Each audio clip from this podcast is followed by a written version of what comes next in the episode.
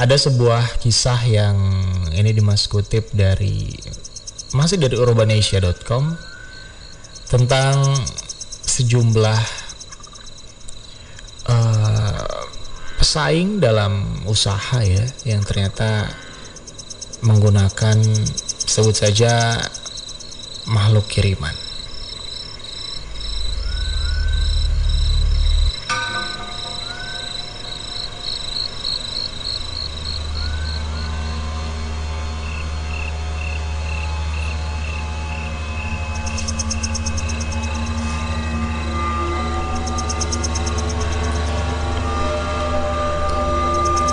Berbagai cara kadang dilakukan sejumlah orang untuk mematikan lawan usahanya.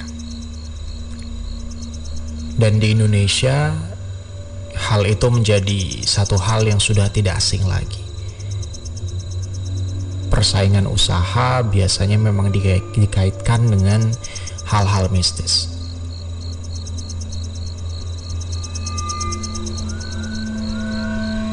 Dan ternyata cara-cara di luar kewajaran itu masih dipraktikkan oleh sejumlah orang yang mendap yang mendapatkan ilmu atau mungkin wangsit untuk mengambil keuntungan pribadinya sendiri dan juga menghancurkan lawannya. Sempat ramai sebuah thread di Twitter Sobat Pilar yang ditulis oleh akun @ilhambahari17 berjudul Kiriman yang Ditanam.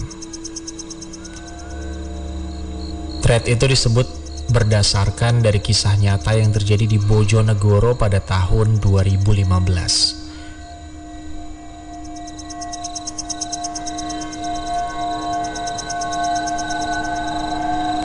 Singkat cerita Ilham ini memiliki bude atau tante yang usaha di bidang rias pengantin dan penyewaan alat-alat pengantin. Namun entah mengapa beberapa hari belakangan terlihat usaha miliknya itu sedikit sepi pelanggan. Padahal biasanya setiap hari pasti ada aja entah menyewa baju atau sekedar untuk merias pergi ke acara-acara yang tidak terlalu besar Suami Bude pada saat itu, Pak D, Pak D-nya Ilham, melihat ada yang janggal dengan tokonya. Pak D juga akhirnya sempat memberikan beberapa doa yang dia bisa dia bacakan untuk kelancaran dan kenormalan tempat usahanya.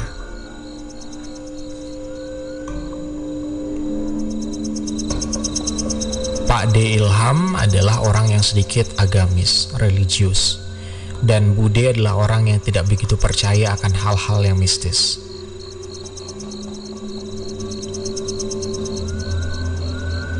Beberapa waktu berlalu, tapi memang tidak ada perubahan yang terjadi setelahnya. Masih saja tokonya sepi. Hingga kemudian Ilham ini teringat dengan pembina pramuka yang dianggap pintar akan hal mistis. Sebut saja namanya Roy. Akhirnya inisiatif waktu itu Ilham mengajak Roy mendatangi lokasi atau toko untuk mengecek yang sebenarnya terjadi itu apa. Lalu Roy ternyata melihat memang ada sesuatu yang janggal di toko budenya ilham ini.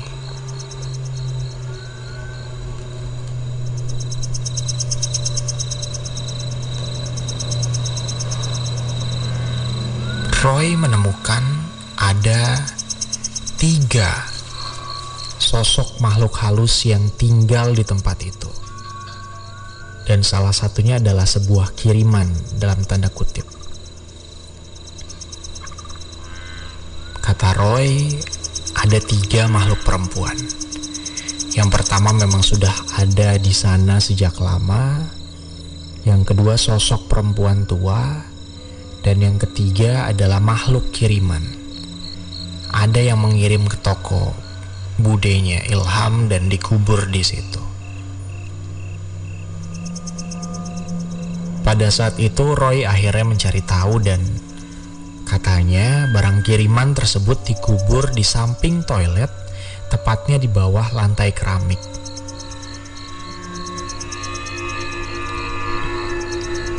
Akhirnya Roy mencoba menarik barang itu secara gaib karena mustahil kalau harus membongkar keramik di dalam rumah Bude, apalagi pada saat malam hari.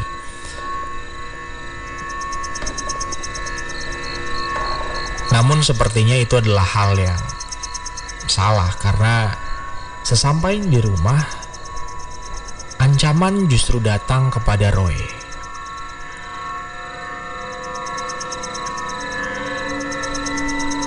Ilham bercerita bahwa Roy sempat didatangi oleh makhluk yang dia usir, yaitu sosok wanita yang mencoba bahkan menantang Roy untuk berkelahi.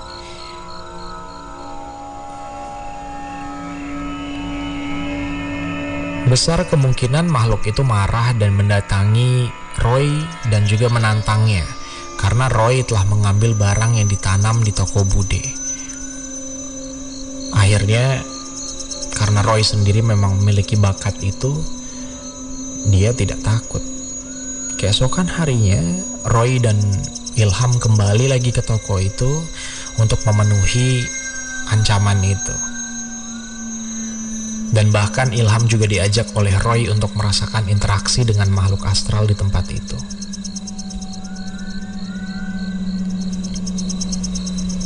Roy bahkan bilang ke Ilham nanti akan dikasih tahu cara-caranya. Kamu tinggal ikutin dan nanti pelan-pelan kamu pasti akan bisa merasakan.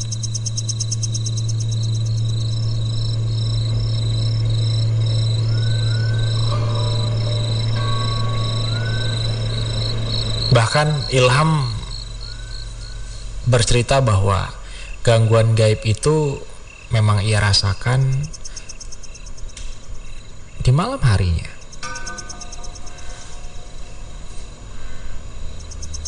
Saat itu Ilham sedang berdiam diri membacakan surat-surat pendek Al-Quran Dan pada saat itu untuk pertama kalinya ia juga merasakan energi yang sangat tidak nyaman di sekitarnya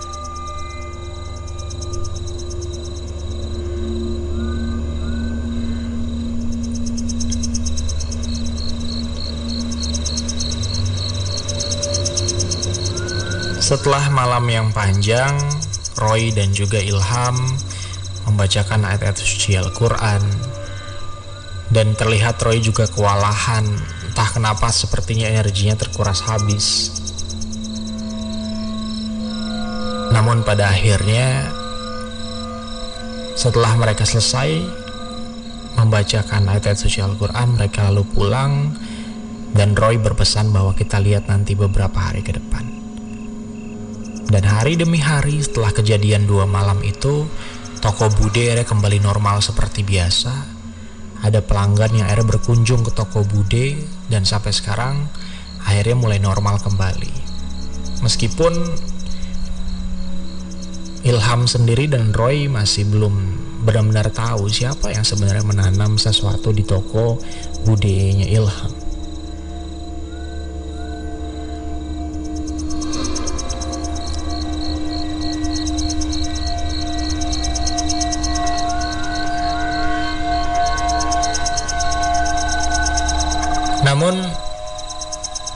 Kisah-kisah yang Dimas pernah dengar tentang sesuatu yang ditanam atau penglaris ini memang sudah sering terjadi di Indonesia ya. Dan biasanya memang orang yang tidak suka akan menanam sesuatu di toko pesaingnya. Lalu bahkan ada juga yang berfungsi sebaliknya gitu. Orang dengan sengaja menanam sesuatu di tokonya sehingga membuat tokonya menjadi lebih laris. Dan bahkan beberapa yang memang memiliki kemampuan untuk melihat mereka yang tak kasat mata akhirnya tahu dan melihat bahwa ada beberapa makhluk halus yang memang memiliki kebiasaan-kebiasaan seperti mengeluarkan lebih banyak air liur. Dan Dimas tahu ada sosok pocong yang suka meludah. Ada juga sosok anak kecil yang kakinya sengaja ditempelkan sehingga harus selalu jongkok dan sengaja didudukan di atas meja dengan makanan yang terhidang di sana. Dan konon air liurnya, ludahnya, dan makhluk itu juga yang ada di atas makanan membuat orang-orang menjadi rasakan makanan itu terasa lebih enak dari biasanya.